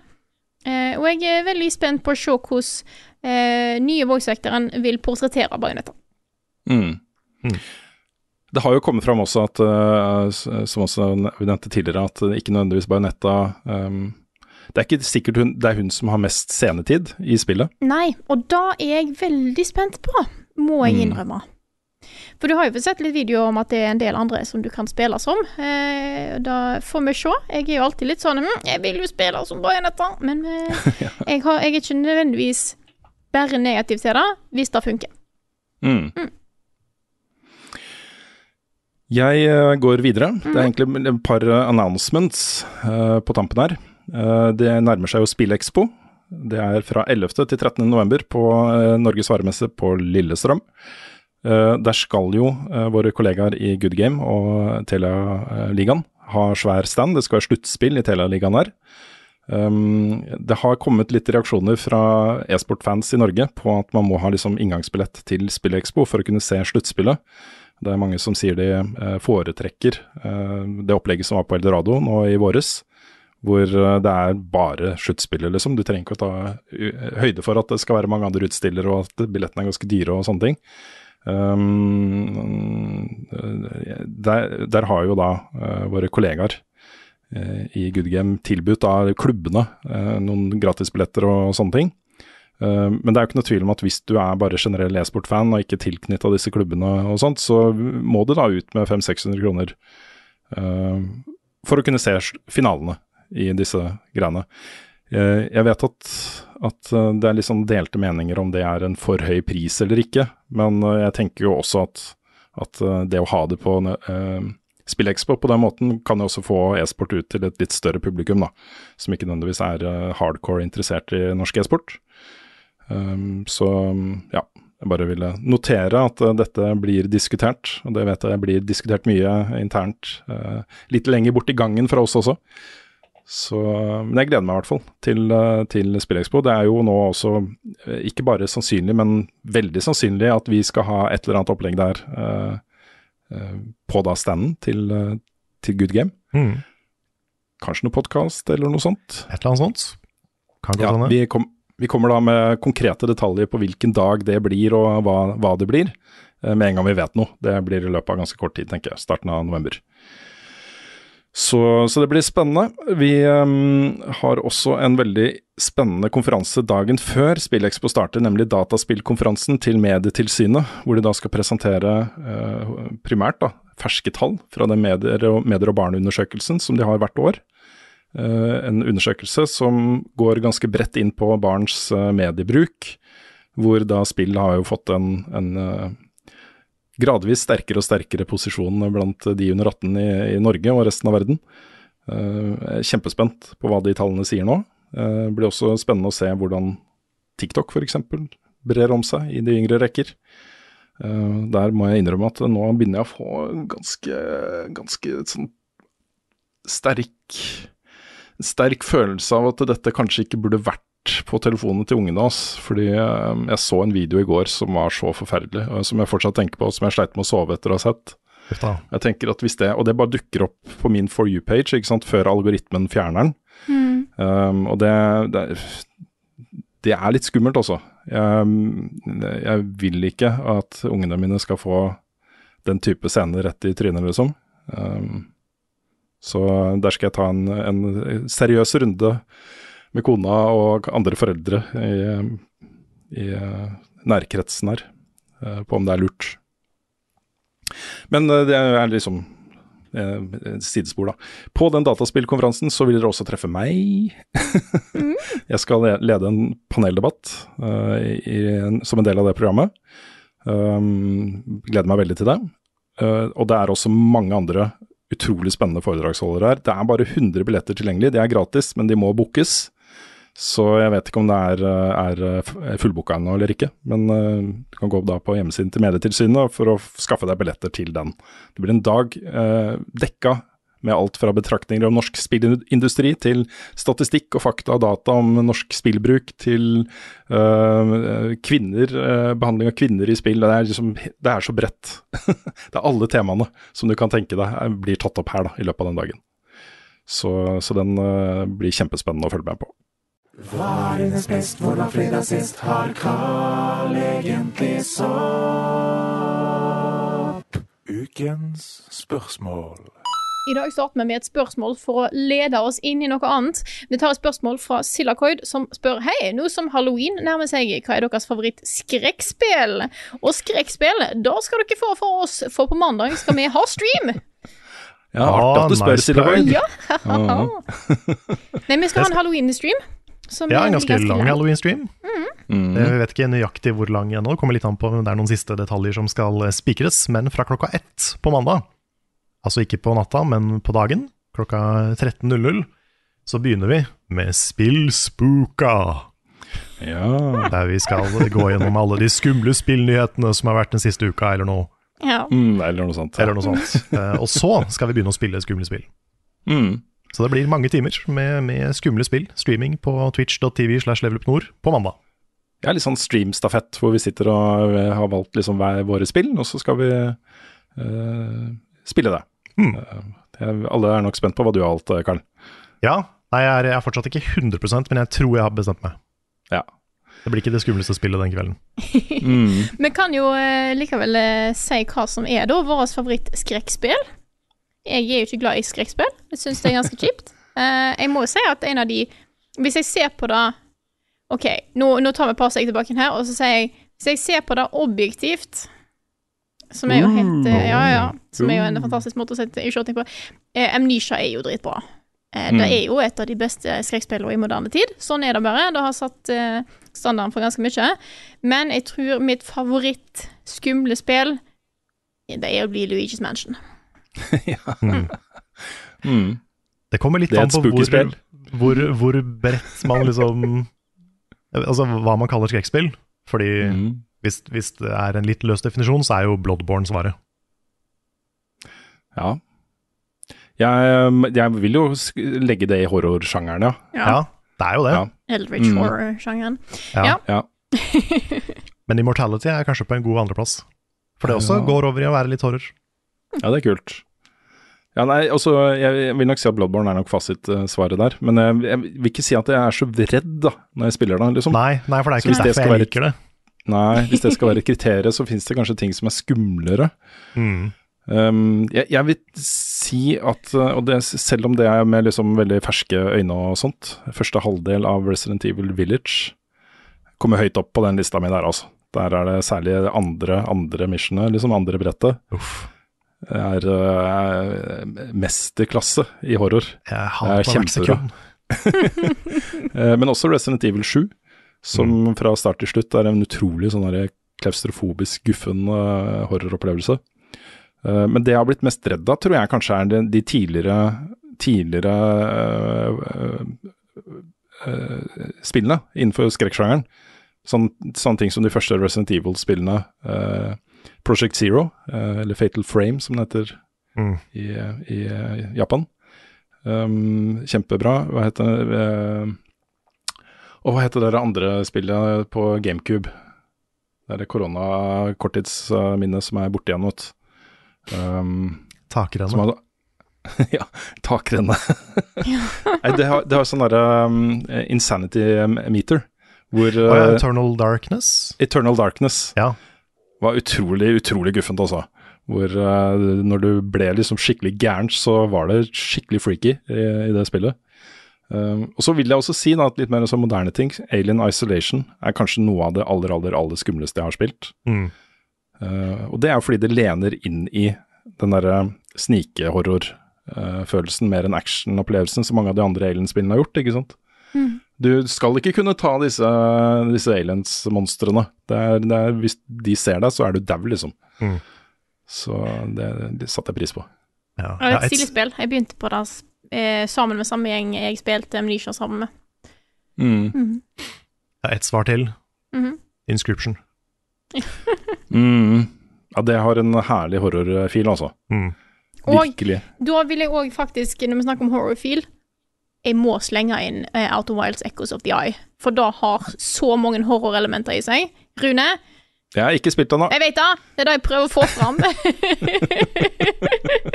Nei, det skal spilles. Det Ja. må spilles. Mm. Jeg mener å huske at det er også en del andre spill jeg har spilt, sånn som f.eks. Half-Life 2, Ravenholm. Hvor eh, du kommer inn i en by som er veldig sånn horrorinspirert, og et nedlagt fengsel og sånne ting. Spill som ikke opprinnelig på en måte er horrorspill, men som har uh, brett da, eller eh, oppdrag som er veldig horroraktige. Mm. Som er skikkelig gufne. Så ja, det er i hvert fall Jeg, jeg er glad i skrekkspill, da. Um, jeg husker jo f.eks. første gang jeg spilte uh, Doom 3. Som jo ikke er kjent for å være det beste Doom-spillet, men hvor uh, også det hadde tatt et så stort grafisk hopp da, fra ting som var eh, i den sjangeren fra før, skytterspillsjangeren. Uh, det er jo jump scare the game. Altså det var ting som kom ut av vegger og hoppa fram fra kanter og hjørner og sånt hele tiden. Men det så så ekkelt ut, for det var så utrolig vill grafikk på det. Så jeg husker jeg var ganske stressa da jeg spilte det.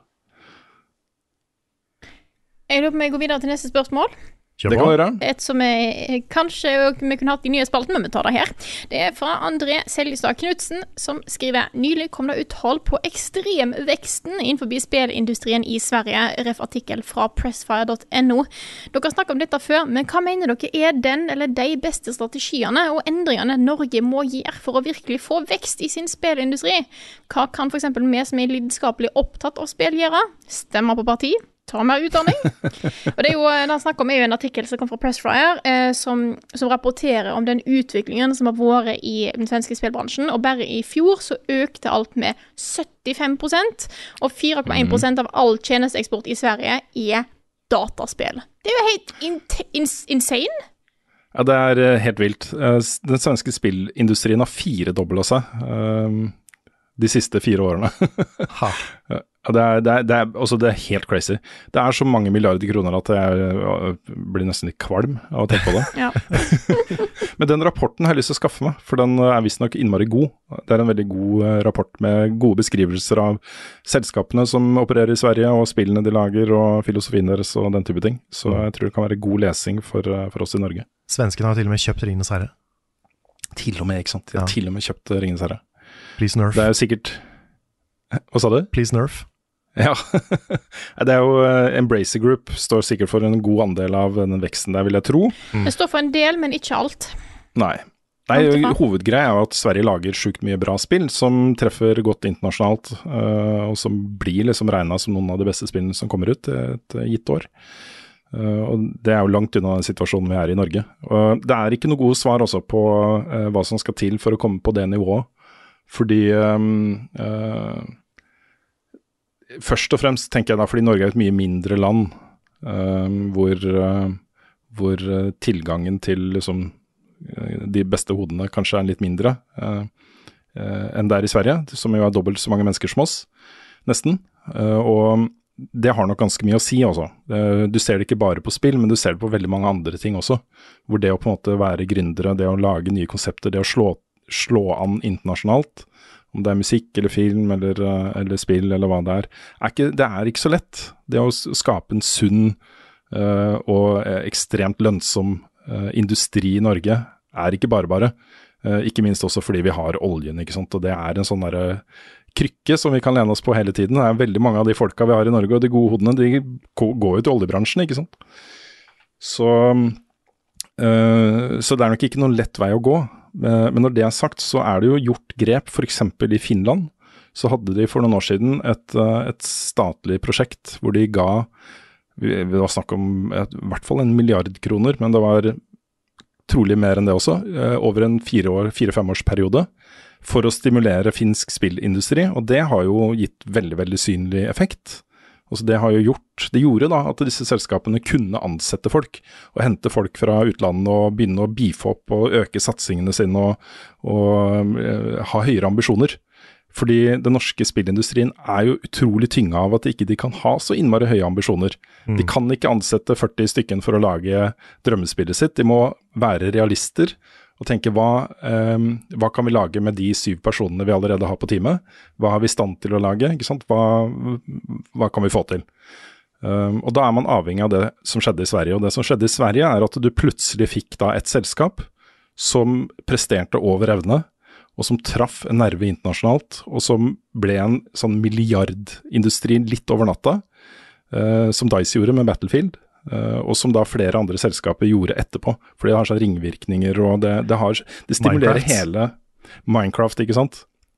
To stykken i underbuksa i en varm Stockholmsleilighet som lagde Minecraft. Mm. Uh, og det er på en måte Det er ingenting uh, i veien for at det også kan skje i Norge. Det er ingenting i veien for at det også kan skje i Norge. Uh, men det kan nok tenkes at, at det må mer stimuli til. da. At de beste folka våre uh, faktisk har råd til å sette seg ned i, i hybelen sin uh, og sitte og liksom kode så det spruter det neste store mesterverket som ingen andre har tenkt på før, og som blir en internasjonal megahit, ikke sant. Mm. Så, så jeg vet ikke. Jeg, ja. Vi er, men vi er glad i de liksom små, uh, emosjonelle, personlige opplevelsene i Norge. Ja. Veldig Mhm. mange norske spill som er sånn uh, veldig sånn ektefølte indiespill. Jeg er veldig fan av det, da. Men eh, det har vært kult å ha liksom én eller to store aktører i tillegg. Mm. Nå har vi Funcom, men de er jo heleid av Kina. og Det er Mm. liksom ikke den samme schwungen over at de er norske lenger, syns jeg. Nei, Nei. da. Og så er det veldig mye MMO og survival-spill fra Funcom. Mm. Ja. ja. Men jeg er helt enig med deg, Karl, at vi har mye å være stolte av når det gjelder norske spill. Det er mange flotte, flotte indiespill. Alt fra uh, Mosaikk til uh, Owlboy og uh, Hellheim Hassel. Og det lages mye bra i Norge. Mm. Uh, men det er innenfor et, et sånn sjikte da, i spillmediet som, uh, Mm. som uh, kanskje sikter liksom litt lavere. Um, men du har jo, ikke sant, internasjonalt, du har jo sånne ting som Inscription og Undertale og Obra Dinn og Mm. Det kommer jo ting, ikke sant, som blir, blir svære. Fordi Det de er er, eh, flinke. Mm. Kanskje er mer satsing på utdanning? Ja. Investeringer og, og sånt. Sant. Det er, eh, Så er det jo et element av flaks Det er det. også. At eh, hvis Mm. du Du kan jo være så flink du bare vil, hvis ikke du, hvis ikke du har flaks og faktisk blir oppdaga, så kommer du ikke lenger. Vi, vi kunne vært der Sverige er i, i dag, eller i hvert fall nærmere Sverige. Fordi på tampen av 90-tallet, starten av 2000-tallet, så hadde du to norske selskaper som hadde ekstremt internasjonalt eh, snitt, og hadde Funcom, med den lengste reisen, eh, og lanseringen av sitt første MMO, eh, Anarchy Online.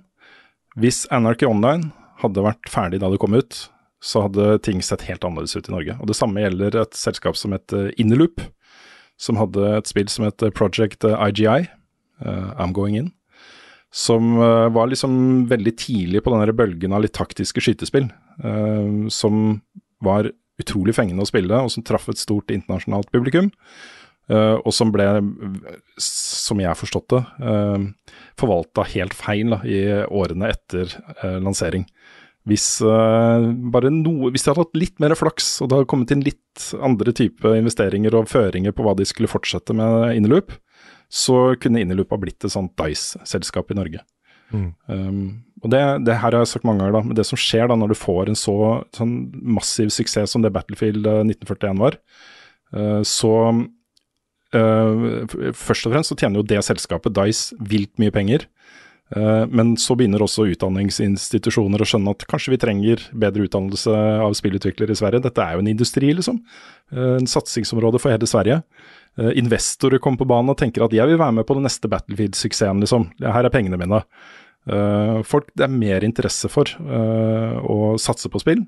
Og så begynner jo de folkene som starta i Dice å tenke hei, her har jeg tjent ti 10 millioner kroner i, eh, på aksjene mine, hva om jeg selger de og starter mitt eget selskap? Uh, og henter med meg de beste folkene og starter liksom eh, Starbreeze og alle de andre selskapene som vokste opp da i kjølvannet av Dice, ikke sant. Mm. Så det er en sånn ringvirkning og mye flaks, som du sier. Ja, for jeg tenker også litt sånn Det er egentlig ingenting som Det er ikke noen grunn til at ikke Owlboy ble en sånn der limbo, Hollow Night, Super Meatboy-type suksess. da. Mm. Det virker som det egentlig bare er tilfeldigheter, for spillet er jo dritbra. Ja. Ja da. Jeg ser også at, eh, at Rain Games sier sier de har solgt over én million eksemplarer av, eh, av eh, Tesla-grad. Tesla-grad. Og det er, også, det er også en ganske stor internasjonal suksess. Da. Mm. My Child mye Livets inkludert- har samme tall, har de ikke det? De er også runda millionene. Så, så det lages jo ting som treffer, eh, treffer bredt og selges bra, da. Eh, også internasjonalt i Norge. Mm. Så, men det er litt sånn betegnende, da. Vi har jo snakka med Juremi og Simon i Dpad mange ganger. Og de sier jo hver gang vi snakker med dem, så sier de at nei, vi skal ikke bli så mye større, vi. Nei, men, men det skjønner jeg også, for Ja. da mister du på en måte de, det D-pad er. Du i hvert Ja. fall risikerer å miste det. Mm. Skal vi gå over til neste spørsmål? Ja, Fra én ting Sverige har som ikke vi har, til en annen. Eh, Inger Takunobu Hauge skriver et spørsmål her. I forrige episode klagde Rune sin nød over at vi ikke får tilgang på verken Steamdekk eller visse VR-headset i Norge, til tross for at Sverige får. Den mest sannsynlige forklaringen her er vel at Sverige får fordi de er med i EU, mens Norge ikke får fordi vi ikke er med i EU, og dermed får små.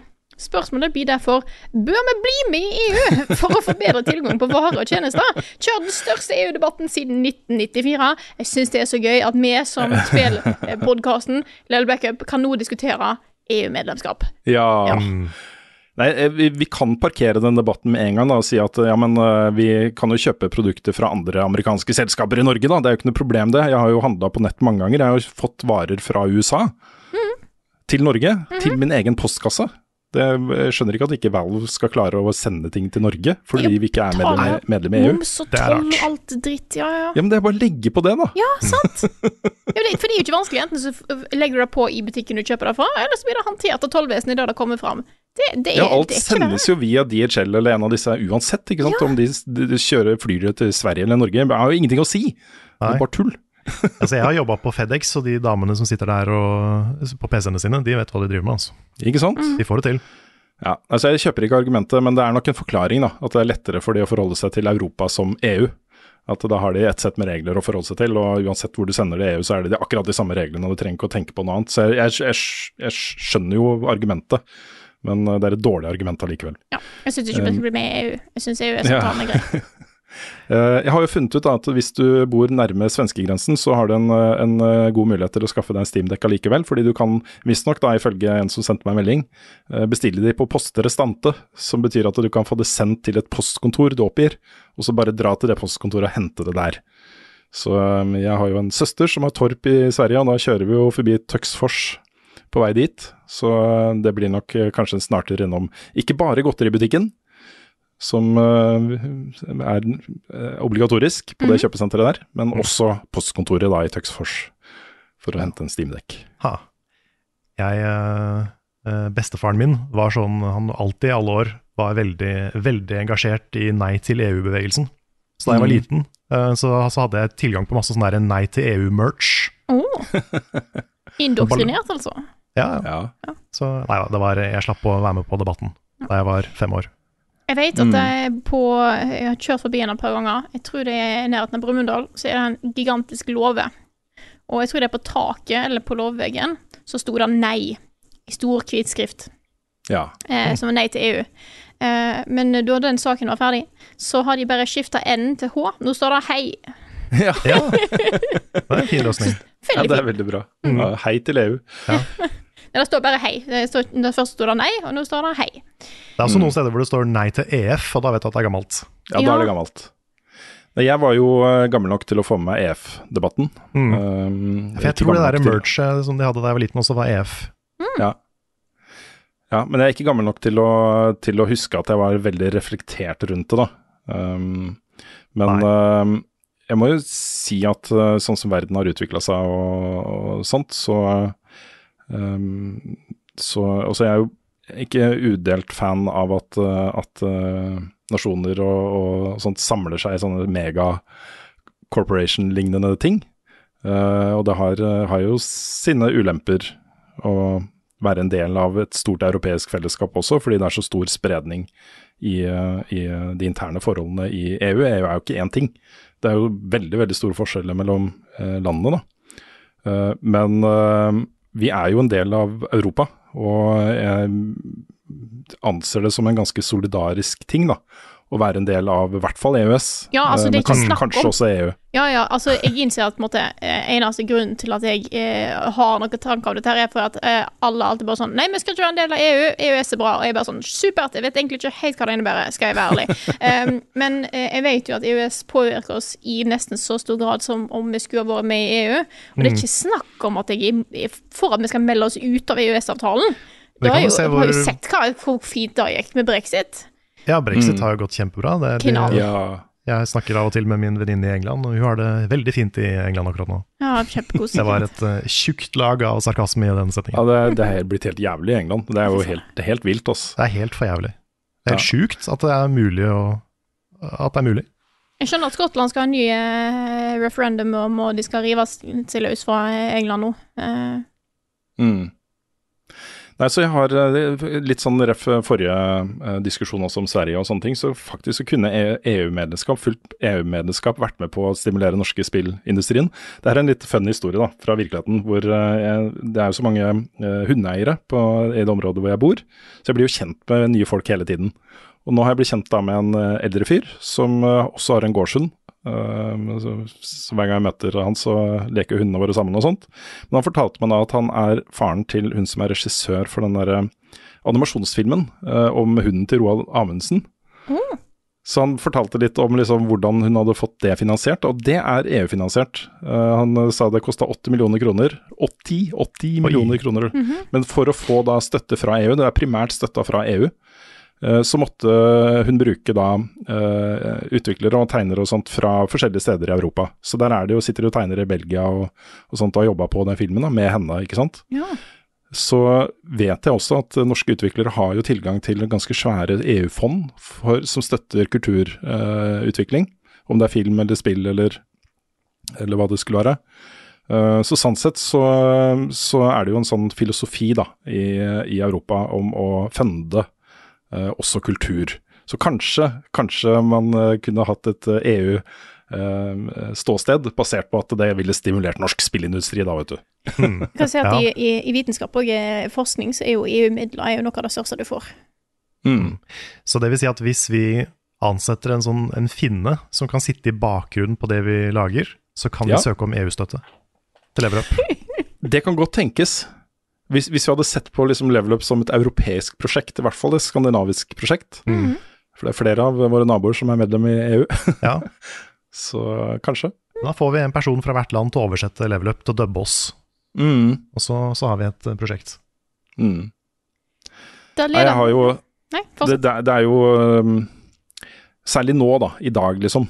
Med det, det som skjer i Ukraina og med Russland, og vi, har jo, vi grenser jo til Russland. og Det er jo alle disse sakene om droner og spioner, og det er ikke måte på hvor, eh, hvor guffent ting er akkurat nå. Så tenker jeg at en forankring eh, for lille Norge, da, med de ressursene vi har og den strategiske posisjonen vi har og alle disse tingene, er nok ganske fornuftig også å ikke isolere oss. da. Mm. Eh, Å være tett knytta til, eh, til eh, alle våre naboer i Europa. Jeg er veldig glad for at vi er med i både EØS og Nato og alt det der. Det jeg er Det er nok ikke så dumt akkurat nå. Nei. Det er ikke det. Jeg tar et spørsmål, jeg. Ja. Fra eh, Patrick Sveum. eh, som spør eh, Har sikkert blitt spurt, eh, sikkert blitt dekka en gang før, men som følger av Level Up Cinematic Universe, eh, selvfølgelig, jeg lurer jeg på hva som var grunnen til at Rune nå primært anme- anmelder for NRK. Er det f.eks. frigjøring av midler for å skape plass til Nick eller andre, for, eller for å nå bredt ut i NRK? Eh, og hva driver Lars med? Eh, kan jeg begynne med Lars eh, han har jo fått seg Han fikk seg jo jobb. Han utdanna seg jo som privat personlig trener. Og har jobba med, med trening og sånt i Jeg tror det er Er det ikke Hønefoss? Jeg bor i Hønefoss i hvert fall. mm. Han er utdanna svømmetrener og masse greier. ja, han har gjort greier. mye, han. Mm. Så jeg tror han trives med det. Ernæring har han uh, utdannelse inne nå. Ja, Mm. Han har hatt eh, flere spennende jobber etter at, uh, etter at han fikk den utdannelsen. Mm. Mm. Men det er alltid veldig hyggelig å ha med Lars på ting, så, så vi gjør jo det så ofte vi kan, da.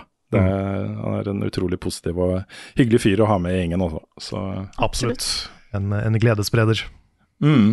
Og, um, og så er det litt sånn i level up generelt at man er med på det man har tid og lyst til, hvis man er frilans. Mm. sånn er det jo for alle. Så um, Ja. de som er med mye, er jo ofte fordi de har lyst til å være med mye og har mulighet. Mm, det er helt sant.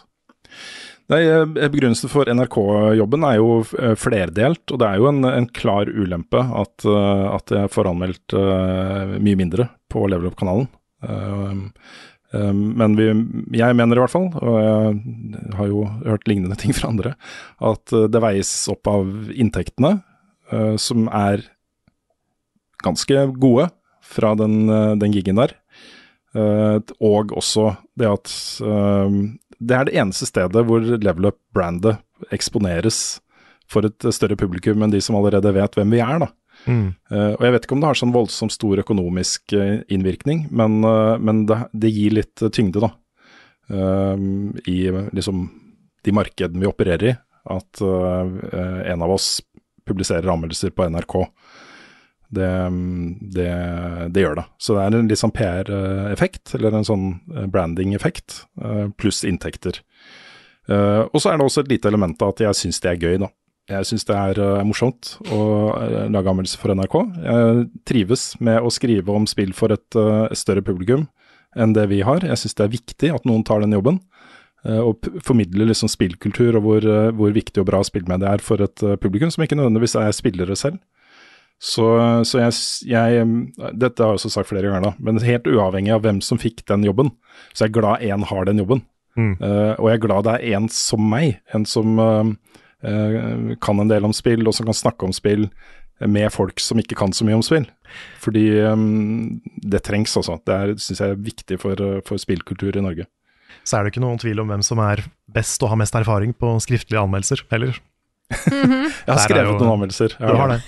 ja, jeg har det. Så, så, og så er det jo også et lite element av at uh, det er greit at NRK vet hvem vi er. Det, Mm. De kjøper jo inn ting hele tiden, og nå har det ikke skjedd noe på det uh, foreløpig i hvert fall. Men uh, vi driver jo og søker på, um, på ting, liksom. Uh, De åpner jo for det to ganger i året, så er det sånne søknadsrunder på ekstern produksjon. Um, og der kan det jo hende at det kan komme noen åpninger etter hvert. Eller hvis de skal utvide og gjøre nye ting, og at uh, de allerede har et forhold til en redaksjon som opererer med Vær varsom-plakaten og Mm. er en redaksjon, ikke sant. Ja. Ikke, Så er en annen, med en annen fordel med NRK kontra andre aviser er jo at det ikke er noen betalingsmur og sånn. Det er også et, uh, en kjempefin ting også. Jeg, jeg, er, jeg er veldig skeptisk til, til um, big data og, og disse her uh, cookiene og ting du må akseptere og takke nei til og, og sånt overalt. Ja. Det er um, Og i tillegg da pluss plussaker Mm. uh, her og der. Hvis det er- står eh, sex i overskriften, så er det en plussak. Ikke sant. altså Det er argumentet, men det, det er ikke skrevet i stein at jeg skal fortsette å gjøre det til evig tid, liksom. Men, men vi mener jo da at det er en fornuftig bruk av ressursene. Og det er riktig at det at vi får de inntektene der, gjør at vi kan øh, hente inn flere frilansere og bruke mer ressurser på, ka- på Nick og på Frida og på alle de andre nye vi har fått inn. Så, um, så bortsett fra Patron, så er det vel den mest stabile, stabile inntektskilden vi har, er de anmeldelsene jeg leverer for NRK. Det er sant. Så det er argumentene. Ja. Og så er det jo også sånn da, at uh, alle de spillene jeg anmelder for NRK kan jeg snakke om i podkasten og livestream og sånne ting. Så selv om på en måte ikke det blir en videoanmeldelse av de spillene jeg anmelder på NRK, så uh, føler jeg at jeg får formidla inntrykkene mine om de spillene her i podkasten og på streams og den type ting uh, også. Så det er ikke sånn at det er lukka bare inne på NRK hva jeg mener om uh, f.eks. A Plague Tale, Requiem eller God of War, som kommer nå, f.eks. Yes. Ok, skal Ja. jeg ta et eh, spørsmål? Yes. Det tar, eh, vi har hatt et spørsmål fra Silakoid allerede, har vi ikke det? Men Jo. jeg kan ta et, eh, ta et til. Mhm. Han sier hei, nå har det gått eh, to år siden Sony økte prisene på spill. Hvordan tror dere dette har slått ut for de? For egen del merker jeg at jeg bruker mye mindre penger på spill, da jeg har gått over til stort sett å spille eldre spill. Det er jo et, det er et veldig godt spørsmål, fordi eh, Mhm. prisene har gått opp fra rundt eh, 500-600 til da ofte opp i 850 kroner i Norge. Mhm. Og det er jo en betydelig uh, oppgang i pris. Spesielt siden den oppgangen har vært samtidig som alt annet har økt i pris. Eh, Ja. Så jeg tror nok da får ringvirkninger, ikke bare fordi et spill er dyrere, men fordi alt er dyrere. Mm. Og da blir det jo en høyere terskel for å kjøpe spill. Eh, Det blir jo da litt balansert ut av GamePass og PlayStation Plus-ordninger og sånne type ting, kanskje. Men sånn i utgangspunktet så var jeg ikke så negativ til den prisøkningen, fordi Altså i håp, da, kanskje et litt, litt naivt håp om at det, skulle, at det skulle bremse litt alle de der ekstra kostnadene. Mikrotransaksjoner og season passes og alt det andre dritet som vi får pressa i trynet. At hvis spillet er så dyrt å lage, så kanskje det å sette opp prisen på spill er den minst kjipe løsningen. I hvert fall med tanke på inflasjon og, og sånn, som spill har jo kosta det samme i mange år. Og de var til og med Ja. dyrere før, på 64. Mye dyrere. Mhm. Men ehm, Jeg husker det er jo- det Nintendo 64-spill var vel 800 kroner. ja, 799 tror jeg noen av dem var 899 til og med. Ja, wow. Så jeg fikk aldri lov å kjøpe Nintendo 64-spill fordi de var så dyre. Ja, med inflasjon så snakker vi om priser opp mot 2000 kroner eh, her. Oi, oi, oi. Ja, så det Det er dyrt. Mm. Og det, det er jo synd at det på en måte At, at, at det gjør terskelen eh, høyere. Fordi da, da tar man jo færre sjanser. Spillindustrien tar færre sjanser, og man får eh, Så spillere tar, tar færre sjanser med hva de prøver. Ja, for det er sant. Altså, det er sant at uh, utgiverne tar færre sjanser. Når du vet at ok, kanskje noen færre mennesker kjøper disse spillene fordi de er så dyre, Mm. så må vi være helt sikre på at dette blir en suksess, folkens. Nettopp. Ikke sant? Eh, Men på den andre side, siden så har det jo eh, også prisen på disse kvalitets-indiespillene har ikke gått noe særlig opp. Da får du jo kjøpt skikkelig skikkelig kvalitetsspill til 300-400 kroner fortsatt, eh, som er vel så gode som Triple A blockbuster kjempeutgivelser i mange tilfeller. da. Eh, Så det at folk nå velger å kjøpe færre spill uh, til fullpris, 8,50 eller mer, eh, gjør kanskje at de eh, oftere velger ting de normalt sett ikke ville ha valgt, eller oppdager ting de ikke visste at de ville like. Eh, Eller eh, som Silocoid skriver, liksom, eh, velger da å vente litt, liksom. Kjøpe ting på tilbud når prisen går litt ned, da. Så, så det er både en positiv ting og en negativ ting for spillmediet. Men det vi i hvert fall kan si, da, er at det er ingenting som tyder på at spillmediet som helhet lider i særlig stor grad uh, av dette her. Når du har sånne spill som Tunic og Norco og Sifu og eh, alle disse eh, Immortality, alle disse kvalitets-indiespillene som kom i år. I år, ikke sant? Stray mm så videre. Det er sant. Yes. Har du et siste spørsmål, Rune, eller runder vi av der? Kanskje runde av? Jeg ser klokka nærmer seg eh, farlig ett. Han ble en eh, beefy podkast, og den podkasten da er Level Backup, eh, utgitt av moderne media. Låten i introen og outroen er skrevet av Ole Sønnik Larsen og arrangert og framført av Kyoshu Orkestra. Vignettene er lagd av fantastiske Martin Herfjord. Resten av innholdet vårt da finner du på youtube.com slash levelupnord og twitch.tv slash levelupnord. Og nå har vi fått sånn derre handle på YouTube. Ja, den, eh, de foreslo uh, at Level Up Nord, så jeg gjorde ikke noe med den, jeg. Nei, den er fint. Ja. Mm. Så tagg, tagge oss Nei, jeg vet ikke. Jeg vet ikke hvordan det funker. Ja, du skal kunne tagge i kommentarer og, Ja, og ok. i hele YouTube-sfæren. I beskrivelser av video og sånn, så kan du bare skrive noe at Level Up Nord, så skal du få da en link til vår kanal. Takk. Da er jeg innså at jeg har ikke vet hva det er for noe, men nå vet jeg det! Eh, hopp inn på discorden vår, discord.gg slash levelupnorge, for å bli med i vår utrolig koselige community der. Ja, Der er det bra. Bra sted å være. Absolutt, absolutt. Da får du òg varsel når det kommer ut nye videoer, eller når vi går live, eksempel, sånn som vi gjør på mandag. Så vet du det. Mm. Min favoritt, uh, mitt favorittrom på Discord-serveren er fanart-rommet. Uh, Der er det mye gøy. Oh, det er, det er mange kreative folk altså. med mm. gode, gode, penner og gode, bra humor. Folk er skummelt flinke. Ja. Eh, og andre jeg på å si flinke, men det er jo hyggelige folk. Eh, det er alle de som støtter oss på Patrion, på patrion.com slash levelupnorge. Vi kunne ikke klart oss uten dere, eh, så da at dere er der for oss og støtter oss, da setter vi ekstremt stor pris på. Og det er vanskelig å faktisk få uttrykt eh, hva det betyr for oss, så jeg prøver, prøver hver uke. Eh, vi sier i hvert fall stort tusen, tusen takk til alle dere. Da gjelder. Ja, det er jo fare for at den type liksom, takk vil uh, låte litt hult når vi har sagt det i seks og et halvt år. Mm. Men vi mener det, og vi føler på det hver eneste dag at uh, vi ikke hadde eksistert uten den støtten. Så, uh, så det er takket være dere vi eksisterer. Det er, mm. det er veldig takknemlig for det også. Det er helt sant. og sjekk òg ut merch-shoppen vår, levelupnorge.myspreadshop.no, hvis du har lyst på litt kult levelup-merch. Uh, og ja, nei, da tror jeg vi tar og uh, sier tusen takk for at du hørte på denne episoden her. Og så snakkes vi igjen neste uke.